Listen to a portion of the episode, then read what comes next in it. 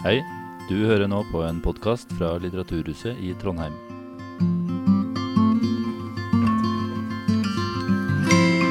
Hallo, uh, hallo, ja. ja. Det er sånn rar Jo, nå hørte jeg at det var høyttaler på. Um, jeg skal ikke snakke her, men mitt, mitt, navn er Jeg skal snakke her, det er jo derfor jeg tar mikrofonen. Men jeg skal ikke snakke sammen med de. Men eh, mitt navn er Arne Vestbø, og jeg er generalsekretær i Norsk faglitterær forfatter- og oversetterforening. Og, eh, og, jeg har bare lyst til å ønske velkommen til den 20. sakprosafestivalen Basta her i Trondheim. Med i NFFO, som altså er foreningen for de som oversetter og skriver sakprosa. Jeg er veldig stolt av å være med eh, og arrangere denne festivalen sammen med Litteraturhuset.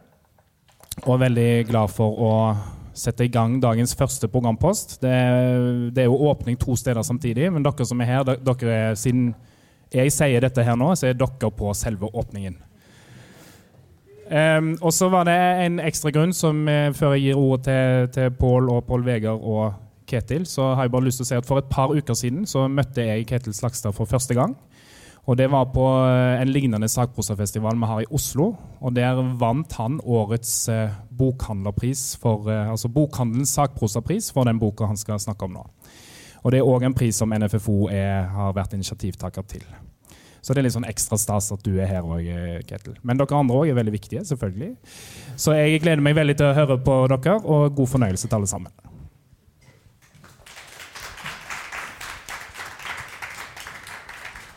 Tusen takk for den introduksjonen. Ja, Vi føler oss litt viktige, vi også, Pål Vegard.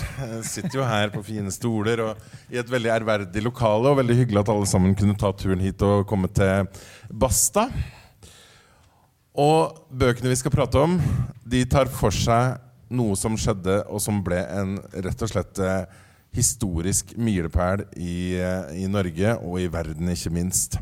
For ordene hiv og aids, da grøss det veldig i oss. Det er uvirkelige og harde og vonde ord, og veldig skjebnesvangert. I hvert fall så var det sånn før. Det er to, eh, 40 år siden den første personen døde av aids i Norge. Og senere så skulle det bli over 600 flere. Og de her bøkene som dere har skrevet, de byr jo da på historier om sykdom og død, opp- og nedturer innafor forskning og medisin, ulykkelige skjebner, men også helter. Heldigvis. Pål Vegard Hagesæter er forfatter av 'Prestens hemmelighet', de ukjente historiene fra aids-epidemien i Norge. Og Ketil Slagstad har skrevet da 'Det ligger i blodet', epidemien som forandra Norge. Vinner av fin pris. Gratulerer med det. Og Bragepris-nominert. Stas. Ok, eh, Pål Vegard, om jeg spør deg først, da. Hva slags ord vil du bruke på det at eh, hiv og aids traff Norge? Nei, jeg vil jo si at eh, hiv- og aids-epidemien var en ny type eh, epidemi som en ikke hadde sett før. Eh, og som førte til hysteri og masse frykt i begynnelsen. Eh, så, så, ble det etter hvert klart at dette i hovedsak ramma grupper som var utsatt fra før. Eh, menn som hadde sex med menn, rusmisbrukere, sexarbeidere. Eh, og da forsvant det litt fra samfunnets radar.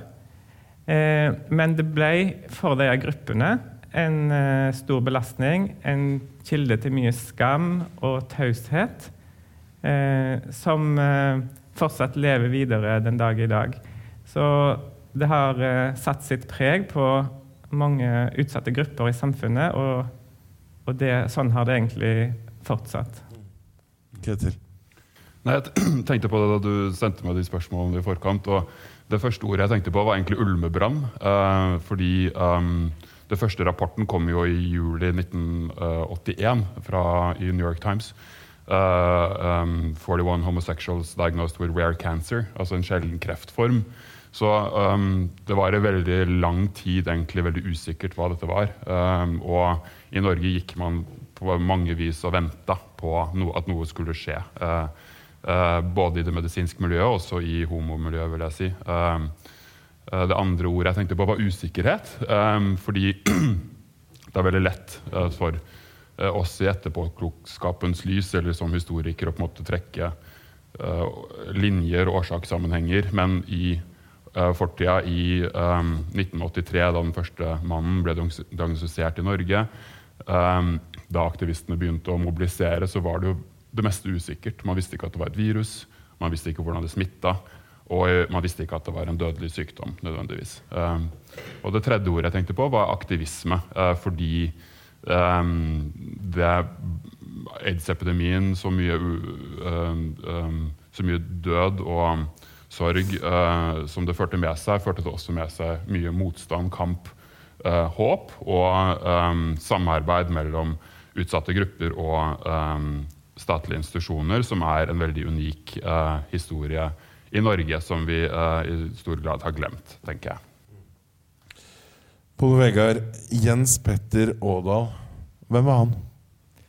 Han var en uh, mann fra Horten. Uh, vokste opp der. Var konkurransedanser i ungdommen. Uh, han flytta etter hvert til København, som var et eh, homomekka på den tida, på 70-tallet. der begynte han å jobbe på et skeivt utested. Han hadde en onkel som bodde der, som han hadde tett kontakt med. Eh, og siden dette viruset spredde seg eh, særlig i de skeive miljøene, så dukka det viruset opp der før det kom til Norge. Og det var der han da ble smitta. Eh, eh, antageligvis tidlig på 80-tallet. Eh, han eh, kom hjem syk til foreldrene. Og i 1983, i januar, så dukka han opp på kontoret til professor Stig Frøland, eh, som for første gang stilte aids-diagnosen i Norge. Og når jeg har lest boka di, Ketil, så blir jeg veldig sånn For du beskriver ganske inngående døden, altså aids-døden. Mm. Det, det, gjør veldig inntrykk. Kan ikke du bare, så vi får unna det, fortelle rett og slett hvor, hvor jævlig det var for de som måtte gjennom det? Ja, jeg, fikk, jeg har fått spørsmål om det før. og hvorfor har jeg blitt så, Det er jo til dels også noen bilder i boka som er uh, tatt ut fra et sånt medisinsk uh, uh, Det er jo litt sånn Som medisinstudent så sitter man sånn på T-banen med sånn kjønnssykdom-boka. ikke sant? Det er ikke sånn veldig delikate bilder. og bilder, Noen av de bildene har jeg også brukt, rett og slett fordi jeg har ønsket å motvirke en uh, tradisjon innenfor historieskrivninga hvor alt på en måte bare baserer, er, blir språk og diskurs og, uh, um, og um, um, politiske uh, hva heter det, NOU-er og, og, rapporter. I veldig stor grad så var jo dette kropp for folk. Man, man, kroppen endra seg. man fikk hiv er jo et, et, virus som angriper immunsystemet, og særlig T-cellene, som uh, spiller en veldig viktig rolle i å koordinere hele immunsystemet. Sånn at uh, når immunsystemet da gradvis bryter ned, så blir man utsatt for en rekke ulike typer infeksjoner og sykdommer. Sånn at aids er jo ikke én konkret sykdom, det er et, et, et, en, en en samling av eh, et, knytt, en, en, eh, et, knippe av ulike typer sykdommer som opptrer når immunsystemet bryter ned. Og, og, um, og, det som pasientene opplevde, eller det som de som hadde langtkommen hiv-infeksjon, fikk etter hvert, var jo da eh, veldig sjeldne former for soppinfeksjon i spiserøret, f.eks. Eh, et type virus som angrep øynene, som gjør at man ble blind. Eh, og en type virus som angrep eh, lymfe. Eh, karene som gjorde at man fikk en type hudkreft som viste seg i huden som sånn blåfiolette uh, knuter, som kalles karposis-sarkom. Um, sånn at de første pasientene som døde, um, uh, og det gikk på hjernen, og man kunne bli dement, uh, man kunne få psykoser, personlighetsforandringer Så det er en ganske det er en veldig brutal, veldig brutal ende på livet. Um, og veldig mange av de som døde i, i starten, døde jo helt alene fordi eh, ikke bare, som Pål Vegard også skriver i boka, var til dels utstøtt fra familiene, men også fordi man var veldig redd på sykehusene for å ha kontakt med pasientene. Så, så det var nok en ekstremt ensom eh, død. Jeg husker veldig godt en sånn Benetton-reklame fra det på 90-tallet. Ja. Eh, der de reklamerer for klær ved å vise en som har sine siste minutter i aids-døden. Ja. Det er et veldig, altså David Kirby, uh, et veldig kjent uh, fotografi. Han ligger der liksom helt utmagret, og du ser faren som bøyer seg over, og moren som gråter. Og, uh, så det er et veldig, veldig, veldig sterkt bilde. og det ble også veldig kritisert selvfølgelig for å måte, kapitalisere på marginaliserte grupper og død for å kunne skulle selge klær. På den andre siden må det leses inn i den ekstreme ignoransen i USA, hvor Reagan Eh, president Reagan på en måte i veldig lang tid jo unngikk å snakke om aids uh, og, og, den ekstreme um, um, neglisjeringen av uh, aids-epidemien i USA, som er en veldig annen historie vil jeg si, enn den norske historien. Altså, Det er jo ganske grafiske fortellinger du gir oss. Og, og Pål Vegard, du skriver også altså, Stikkordet her var litt frykt. Fortell litt om frykten og panikken som bredte seg. Nei, det, altså det, er jo naturlig i begynnelsen av en epidemi at en eh, eh blir redd før en vet eh, noen eh, smitteveier en har. Og det så vi jo under koronapandemien, der det var mye usikkerhet om kontaktsmitte eller luftsmitte. Altså, eh, ulike typer dette kunne smitte på. men for hiv-viruset så ble jo dette etter hvert klarlagt. Eh, det, det smitter ikke eh, ved vanlig fysisk kontakt, f.eks. Allikevel så var dette viruset eh, omgitt av så mye frykt, frykt, at det førte til helt ekstreme reaksjoner for de som var smitta. Eh, det var folk som ikke eh, ville ha kontakt med familiemedlemmer pga. frykt for smitte. Det var barn som gikk på skolen og Eh, der de andre elevene ble oppfordra til ikke å ha så mye kontakt med dem. Eh, det var folk som eh, ikke fikk svømme i offentlige bad. Det var folk som eh, mista jobben. Det finnes jo flere eksempler på det. Henki Hauge Karlsen er jo et eh, kjent eksempel. Bartender fra Fredrikstad som eh, ble sagt opp når eh, han sto fram med sin diagnose. Så det var veldig mange eksempler på overdreven smittefrykt og hysteri, eh, som fortsatte lenge etter at smitteveiene var kartlagt. Kan ikke du fortelle om Elsa på Vegard? Jo, altså Det var jo flere ulike grupper som ble hardt ramma. Og ei lita gruppe som ble ramma spesielt i begynnelsen av eh, epidemien, det var jo de som eh, fikk blodoverføring eller var blødere. Eh, og Elsa Hausken hun var en husmor fra Karmøy eh, som i 1983 ble innlagt på sentralsykehuset i Rogaland for å ta en helt vanlig hofteoperasjon. Hun skulle skifte hofteskål og hoftekule. Eh, operasjonen gikk fint. Hun fikk eh, på den eh, på den tida var det vanlig å gi litt ekstra blod etter at en hadde gjennomført en operasjon, så hun fikk tilført eh, to poser med blod under dette eh, inngrepet. Og så gikk årene, eh, og hun følte seg frisk. Men i 1988, fem år etter operasjonen, så leste hun i avisa om at det var en annen person som hadde fått tilført hiv under et inngrep på det samme sykehuset.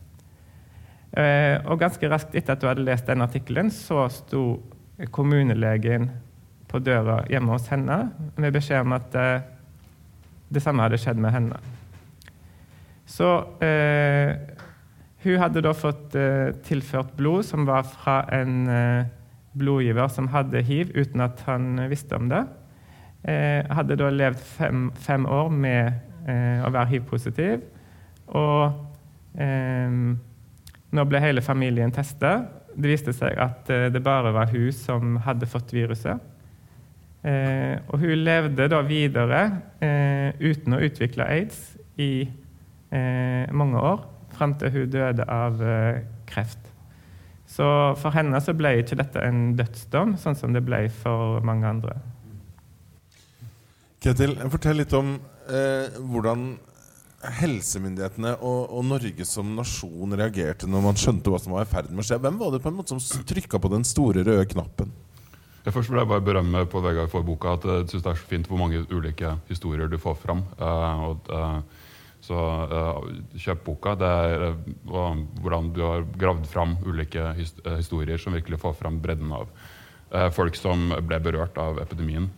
Uh, og så til spørsmålet ditt, så um, um, Det var jo i veldig stor grad uh, aktivister som uh, mobiliserte i starten.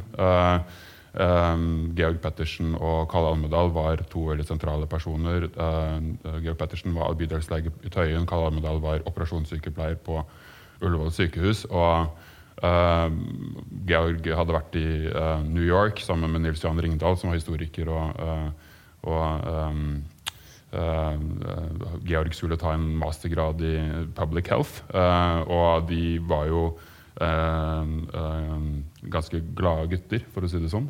glad i å gå på fest og levde utsvevende liv også på, med, med, mange menn osv. Så, videre. så de var i Greenwich Village. og og det Forskningsoppholdet ble veldig annerledes fordi folk begynte jo å dø rundt dem. også vennekretsen deres, Og de skjønte at Kalle Almedal kom på besøk.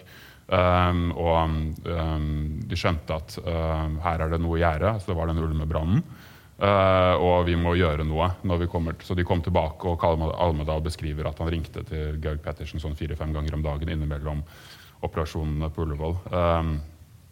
og de tar da initiativ til møter mellom G uh, Torbjørn Mork, som var helsedirektøren, uh, og Stig Frøland og Eh, aktivistgrupper, og oppretter da Helseutvalget for homofile veldig tidlig på våren 1983. Uh, og samtidig setter helsedirektøren i gang uh, med, med, å nedsette et arbeidsgruppe for aids. Så det er egentlig veldig veldig tidlig. Det første tilfellet ble som, som, kjent diagnostisert i januar 1983 i Norge. Og, og, da er på en måte hjulene i gang og rulle allerede. Så det var uh, det som jeg sa, at den norske historien er veldig forskjellig fra den amerikanske. Så var jo den amerikanske aids-aktivismen i veldig stor grad en mobilisering i fravær av en aktiv stat. Uh, mens i Norge så var det i veldig stor grad en aktivisering uh, med utgangspunkt i staten, i Helsedirektoratet, i Oslo helseråd, i de sosialmedisinske institusjonene som allerede var på plass, og i homonettverkene som hadde blitt bygd opp allerede fra 70-tallet. fordi uh, Homofili var jo, det var jo uh, nylig avkriminalisert, bare ti år tidligere. homofili var homoseksualitet var en psykiatrisk diagnose inntil 1977 sa Norsk psykiatrisk forening at man ikke skulle bruke diagnosen lenger. sånn at det hadde oppstått nettverk som mobiliserte også homomiljøene. For å si det litt lettbeint, det var vel det siste man trengte så, altså for de skeive? Ja, det var jo på en måte Derfor møtte det også var nettopp aktivismen så vanskelig i starten. Fordi uh, her hadde man på en måte endelig kunne komme ut av skapet og uh, feire en nyvunnet uh, frihet. og kunne være åpen med seg selv, med identiteten sin, med seksualiteten sin. Og plutselig så kommer det en epidemi og en trussel om tiltak som skulle stenge ned alt sammen, skulle tvinge folk tilbake i skapene. Uh, og det var veldig utfordrende for aktivistene, men det var samtidig også noe som helsedirektøren så. Uh, og, og, det tror jeg man må på en måte berømme den norske sosialmedisinske linja i, i Helsedirektoratet og i helsebyråkratiet. At måte de ikke falt for fristelsen for det var jo hauker som ville på en måte tatovere folk i lysken, sperre folk inne uh, osv. Um. Jeg har lyst til å komme tilbake til flere av, av skjebnene, Pål Vegard. Men jeg har bare lyst til å spørre deg aller først. Du har jobbet som journalist i en årrekke og, og nå i Aftenposten. Si litt mer om hvordan samfunnet reagerte. Du kan jo kanskje begynne med media. Hva slags overskrifter kom? Nei, det var jo en uh, veldig sterk frykt uh, i begynnelsen spesielt. Og Eh, mediene bidro til å hause den opp, vil jeg si. Eh, det var eh, f.eks. Eh, artikler om at eh, hiv kunne smitte via myggstikk. Eh, noe som eh, har blitt en seigliva myte som sitter igjen blant mange i dag. det har vært drevet en liksom klappjakt på hiv-positive i enkelte medieoppslag med eh, personer som skulle ha kommet eh, til Bergen, var det et eksempel på, og spredd smitte til ma veldig mange gjennom eh, sex. Eh, og, og ble, ble, utsatt for eh, sensasjonsprega artikler i avisene om det. Eh, så det, det, har vært eh, en forsterking vil jeg si da, av den frykten på mange måter gjennom media. I, Iallfall i deler av denne epidemien. Ketil, du skriver også litt om hvordan kirka reagerte. Mm. Ja, var, jeg har vært litt opptatt av at uh, Kirken har jo gjort mye dumt uh, i aids-epidemien, men det var jo også, jeg har vært opptatt av å få fram de ulike nyansene her. Altså, det var uh, både kraftig fordømmelse av biskop Bue, som måtte dette er Guds styggedom og straff for et liv i synden, som fikk støtte også fra altså var, Han var ikke biskop, men han var, fikk støtte av biskop, biskopen i Rogaland. og og det var veldig vanskelig å åpne kirkegruppe, hadde jo blitt etablert tidligere. Det var veldig vanskelig på 70-tallet. Det var veldig vanskelig for dem å finne kirkelokaler for å ha uh, gudstjenester. Uh, samtidig var det også aktivister i Oslo Bymisjon, uh, Helge og Liv Fisknes f.eks., uh, som drev aktivt diakoniarbeid på gata blant sexarbeidere, rusavhengige, og, og også for å lage tiltak for nettopp uh, folk som uh, døde av aids uh, på Aksept senter i Oslo. Sånn at det, var, det er en veldig sånn vakker scene også med måte, Helge Fisknes som arrangerer gudstjeneste. Um, um, og han i, i prestekapp og, og, hvit sånn pipekrage, er det det det heter? Uh, og liksom homsen i lærchaps uh, med rumpa bar. Så det er liksom det var, det er, Jeg er liksom opptatt av å vise at ja, det er mye død og lidelse, men det er også ganske mye kreativitet og eh, samhold og muligheter eh, som en så dramatisk hendelse kan bære med seg. Um, ja. Hva med helsevesenet, de som jobber der? Altså eh, De som lever for å hjelpe og redde andre. Hva slags holdninger eh, kom ut av det? Um, det var jo, som jeg sa, veldig mye frykt i starten. Uh, det er veldig stor forskjell. Jeg har tenkt mye på det i forbindelse med koronapandemien. Um, hvor stor forskjell det egentlig var. fordi sant, vi opplevde det alle hvor dramatisk det var med korona. At det, sant, man kunne følge liksom, på Twitter eller på Dagbladet altså, eller VGL. Altså, det var liksom kontinuerlig oppdatering av nyheter. Og man kunne liksom nesten nærmest se viruset spre seg fra Kina via norditalienske intensivstasjoner opp til Skandinavia. ikke sant? De der statistikkene hver dag? Og, ja. ja, ja, John Hopkins hadde jo sånn tall med liksom antall døde og antall smittede som var sånn, de bare rullerte sånn. en sånn. Mens uh, aids var jo veldig, stor, veldig annerledes. Altså, det var jo i veldig stor grad noe som ikke var uh, til stede i offentligheten i veldig lang tid. Um, men på infeksjonsmedisinske avdelinger så var det mye frykt, men det var også mye erfaring med å håndtere uh, smittede. Uh, og, og, man hadde jo også erfaring med rusavhengige som hadde problemer knytta til uh, leverbetennelser, hepatitt, uh, og bomskudd. ikke sant? Sånn at uh, det var en del av, pasientene som kom inn, var noen av de samme man hadde hatt erfaring med før. Så man hadde til en viss grad rutiner på plass. Uh, og etter hvert, så, så, så, som smittefrykten la seg de første årene, så kunne man begynne å ta, på ta på pasientene. Og, uh, men det var jo um, det var en veldig stor forskjell i hvordan homomiljøene hvordan profitterte på aids-epidemien, vil jeg si, og andre utsatte grupper, sånn som rusavhengige og sexarbeidere, som i mye større grad hadde vansker med å få det var ikke, dette var ikke helt svar på spørsmålet ditt, så du får bare avbryte meg. Men jeg vil bare si det at jeg synes det, er veldig viktig å få fram at det var en veldig stor forskjell i uh, hvor mye vanskeligere det var for rusavhengige og sexarbeidere å få gjennom sine saker uh, enn det var for homobevegelsen. Pål Vegard, vi kan vel være enige om at boka di den skal vel kanskje ikke pløyes gjennom? Altså, det er noe med å ta en historie i gangen, for alle er veldig sterke. Eh, kan ikke du fortelle om Alexander? Jo, altså eh, En av de andre gruppene som eh, det etter hvert ble klart var spesielt utsatt, det var jo de som brukte sprøyter. Eh, og mora til Alexander hun ble smitta av hiv gjennom det. Så var hun på en uh, avrusningsklinikk oppe i Trøndelag.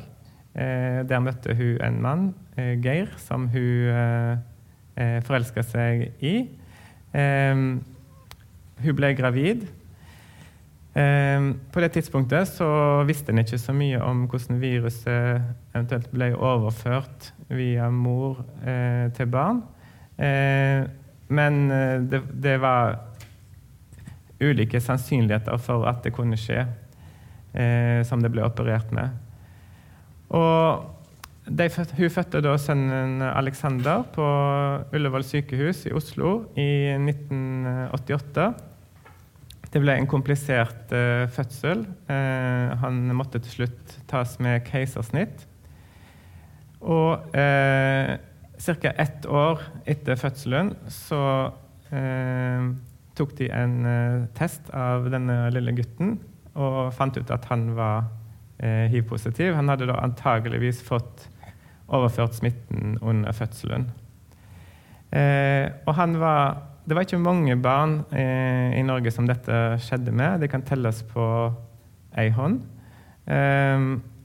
men han vokste da opp helt fra begynnelsen med dette viruset i en tid der en ikke visste eh, hvordan en skulle behandle dette. En eh, fikk noe informasjon fra USA, men det var ikke kommet medisiner som eh, virka godt nok på det tidspunktet. Eh, og Alexander han eh, utvikla raskt eh, ulike infeksjoner og eh, symptomer og lidelser. Han eh, fikk aldri leve som et eh, friskt barn. Og han døde da seks år gammel av dette viruset. Så eh, han var et eksempel på hvordan barn òg ble rammet av denne epidemien. Heldigvis så eh, ble det ikke mange sånne historier. En fikk etter hvert eh, muligheter til å behandle mødrene med en medisin som heter ACT, som holdt viruset i sjakk en periode, og som eh, reduserte faren for smitteoverføring betydelig. Så i dag eh, er ikke dette et eh, stort problem, selv om det skjer en sjelden gang. Ja, Si litt mer om det, Ketil. Altså, hvor raskt kasta man seg rundt etter at man ble klar over viruset og starta å forske på, på mulig kure mot det her? Nei, Det startet egentlig helt fra starten av. Altså, viruset ble identifisert i uh, slutten av 1983, starten av 1984. Uh, forskergrupper i Frankrike og USA. Uh, og de hadde, de hadde, allerede forsket mye på kreft, virus som fører til kreftsykdom. Så de startet ganske tidlig med å utvikle medisiner. Men det tok lang tid før altså man, ikke, man prøvde jo en rekke ulike behandlings... Uh, typer fram til den første legemiddelet kom i 1987, altså ACT. Uh, men det var ingenting som, det var mye sånn heroiske forsøk. Man forsøkte med på en måte sånn skifte ut blodet med noe som heter plasmaferese. Man forsøkte beinmargstransplantasjon. Uh, og, men ingenting førte jo fram. Og så kom dette medisinen i 1987 som er en antiviral, altså et, virus, et medisin mot virus, som var et gjennombrudd, trodde man lenge. Uh, eller ikke lenge, man trodde det uh, et år, eller noe sånt nå, og så uh, viste det seg etter hvert at man, pasientene fikk tilbakeslag. så den endelige behandlingen som vi i dag har, altså som man skjønte at man må ha kombinasjonsbehandling, altså dvs. Si at man angriper viruset fra ulike angrepspunkter, med gjerne tre legemidler i kombinasjon, kom først i 1996. Um, så at man hadde 13 år i Norge fra, fra um, diagnosen ble stilt første gang til man fikk en kur. Um, men også det jeg har vært opptatt av når man skriver historie, at det, måte, det er veldig lett å, Jeg har sett enden min bok der, og det kan man kritisere den for. Fordi det er jo ikke som at aids-epidemiens historie ender der. Uh, mange, for mange som levde til behandlingen kom i 1996, var det allikevel for seint. Uh, jeg skriver litt om det at hvis kroppen var så nedkjørt eller gjennom eh, infeksjon over lang tid, så var det allikevel for seint og mistet.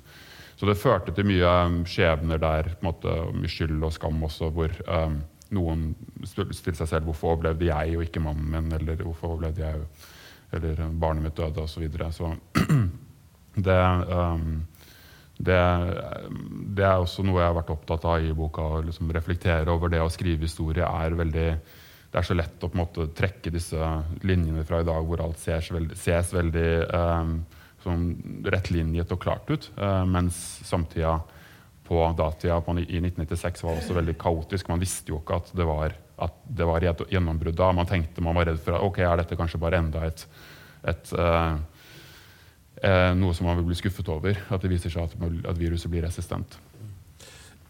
Kan du si litt mer om og du også kan gjerne henge deg på, Pål Vegard, altså, hvordan tok det homofile miljøet sjøl eh, imot eh, det som skjedde? Altså, dere skriver jo litt både om at noen ble redde, og noen ble på en måte arrogante, eller ville ikke bry seg om det også.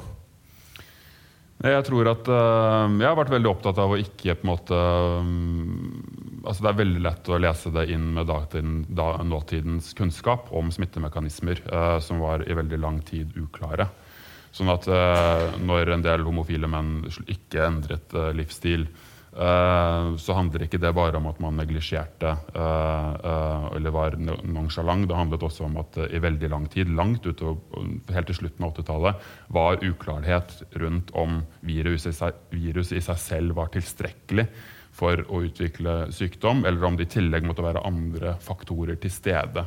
Sånn som at man også måtte ha andre infeksjoner, eller, andre, eller at kroppen måtte være nedbrutt, et dårlig kosthold, mye festing osv. Så sånn at jeg har vært veldig opptatt av det å få fram det at det, det, det er ikke sånn at man bare kan si at folk var liksom umoralske. eller noe sånt. Eh, men det jo, møtte jo på veldig mye motstand også på det møtet som var det første møtet Georg Pettersen og Karl Almedal holdt i april 1983.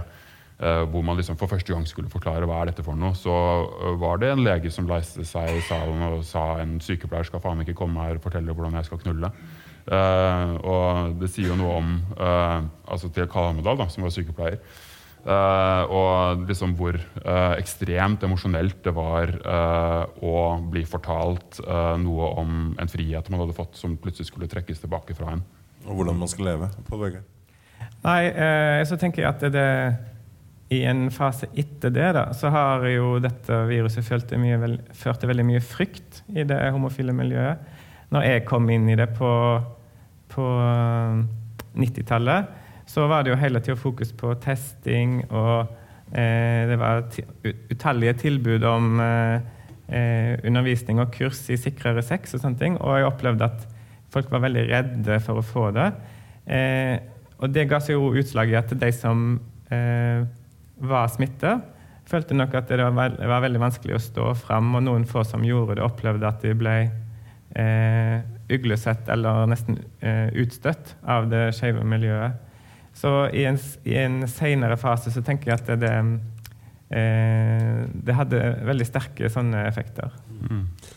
Ja, og jeg tenker også på min egen del at eh, jeg skriver litt om det, og at jeg tror at eh, for meg som homo og mange av dem jeg kjenner som uh, har det vært veldig formende også for ens første måte, erfaring med det å komme ut, og det at epidemien er så sterkt knytta til egen seksualitet. Uh, og at man er som veldig, At den frykten veldig fort kan også gli over i en skam og være annerledes. Og uh, det er um, noe mange homofile tror jeg har opplevd. at det er måte helt sånn uløselig sammenvevd, de to tingene.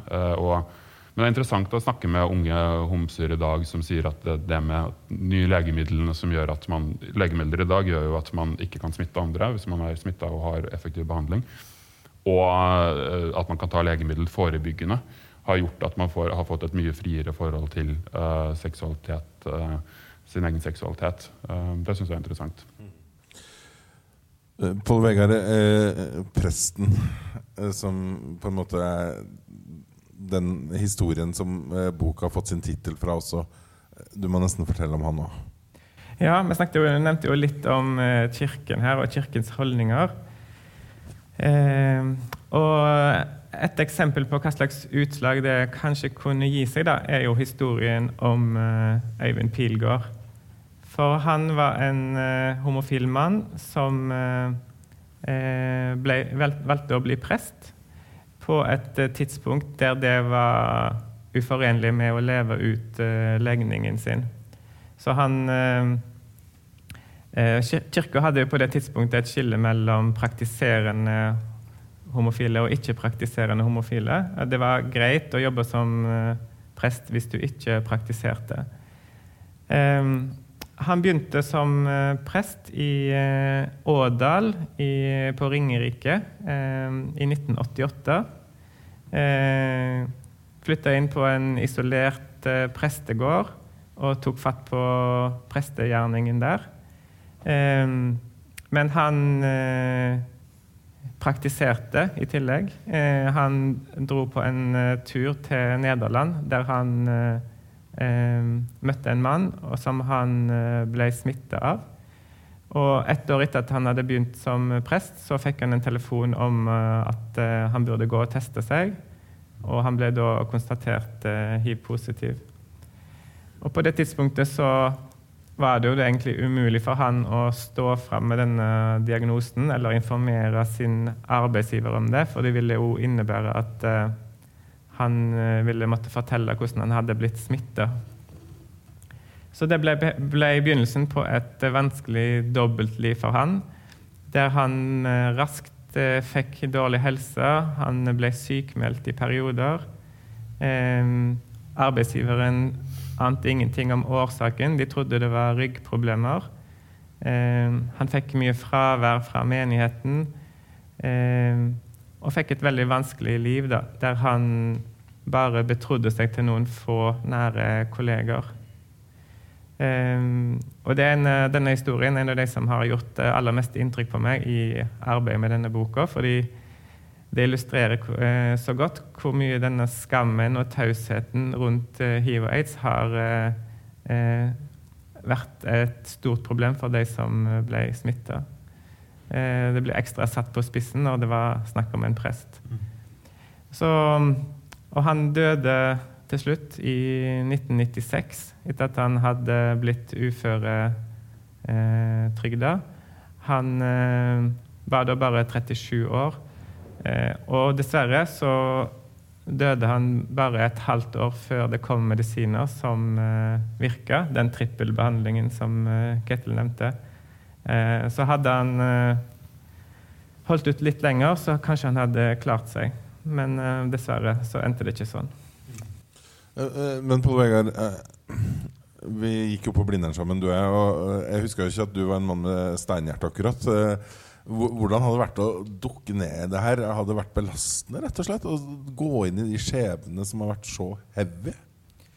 Ja, det har jo vært uh, veldig mye trist. Uh, og veldig vanskelig å ta inn over seg at nå er Altså, jeg er 46 år. eh, det er vel ingen av det jeg skriver om i, denne boka, som eh, døde, som ble like gammel som jeg er nå.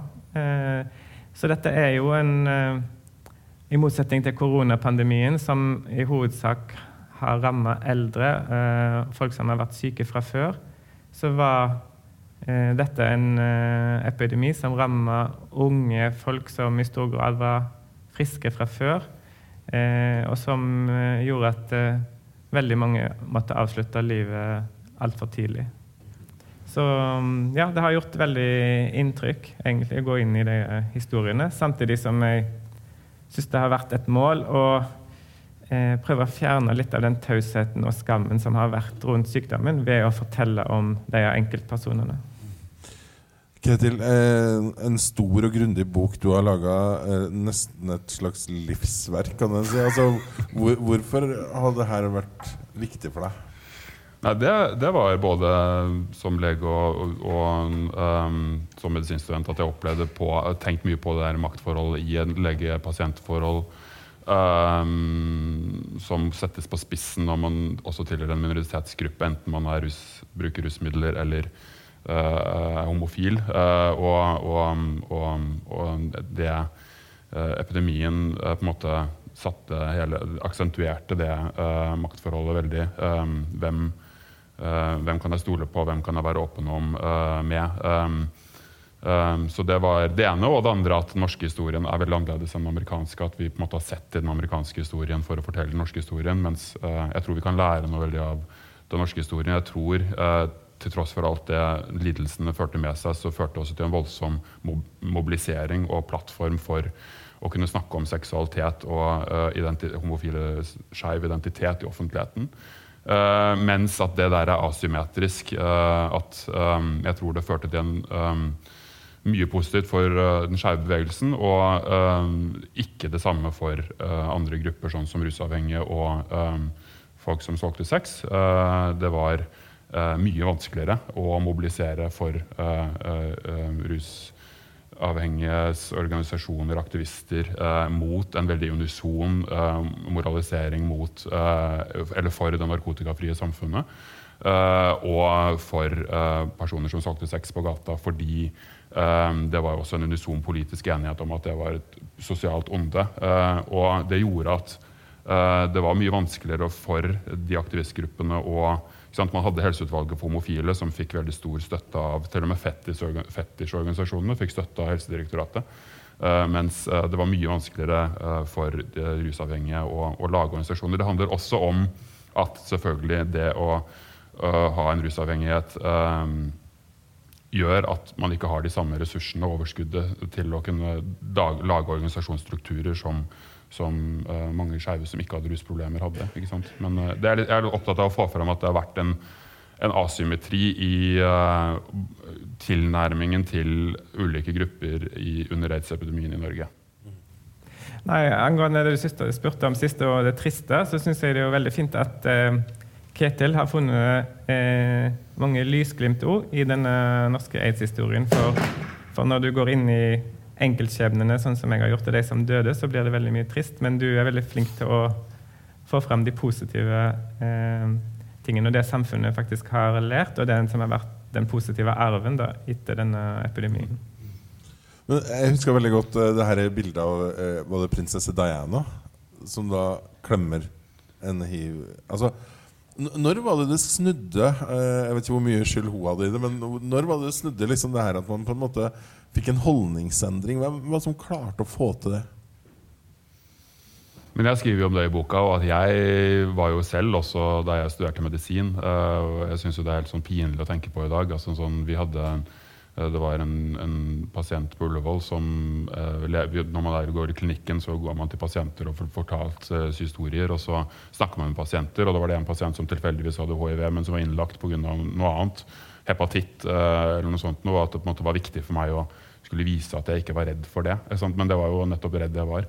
Uh, og det er jo bare 15 år siden. sånn at jeg tror at uh, jeg tror ikke man skal si at den hiv-skammen og stigma er definitivt veldig også til stede i samfunnet i dag. Det er vanskelig å stå fram som hiv-positiv. Uh, og det, det, Så jeg vil ikke si at det, måte at det har snudd sånn på den måten. Jeg regner med at det var et hint at vi kan holde på et kvarter lenger. Eh, å, å nei. Og det var ikke denne. nei. Men da skal vi bare oppsummere ganske raskt. Da, fordi Ketil, du skriver eh, Det norske viet var et annet før og etter aids. Uskylden var borte. Krisen rev folk bort fra hverandre. Men den skapte også fellesskap. Kan starte med deg, Pål Vegard. Hvordan forandra hiv-aids Norge? Uh. Nei, det, jeg, vil, jeg, vil, jo trekke fram det eh, som jeg nevnte i stad, at det, det, særlig har påvirka det skeive miljøet. Eh, ved at det har blitt denne frykten og eh, stigmatiseringen. Eh, og så har det òg eh, ført til en del samfunnsmessige konsekvenser, som eh, f.eks. Eh, når koronapandemien kom, kanskje gjorde at en var, eh, hadde lært noen ting på noen områder. Altså, F.eks. i utviklingen av eh, vaksiner så vet vi at forskning på hiv og aids eh, eh vaksine har ligget bak denne mRNA-teknologien som eh, ble brukt under koronapandemien. Så eh, noen ting kan en forhåpentligvis lære fra hver eh, epidemi, det som gjør at en står bedre rusta til å takle det neste. Hva, hva, mener du med at det, det norske vi var et annet? Jeg vil bare si, ja, fordi jeg mener at, at Norge var aldri homogent. Nå, to, to, et sekund. To, Norge var aldri homogent, men etter aids-epidemien var det også helt tydelig i offentligheten at det aldri var homogent. Altså, og, eh, minoritetsgruppene hadde stått fram, pluss at man hadde skapt et, eh, en, en måte å tenke på i helsepolitikk som handlet om eh, å snakke med og ikke snakke om. eh, og at politikk alltid måtte forankres i eh, de gruppene som faktisk hadde skoen på. Pål Vegard Hagesæter har skrevet boka som heter 'Prestens hemmelighet'. De ukjente historiene fra Norge. Og Ketil Slagstad, det ligger i blodet. Epidemien som forandra Norge. Tusen takk. Tusen takk.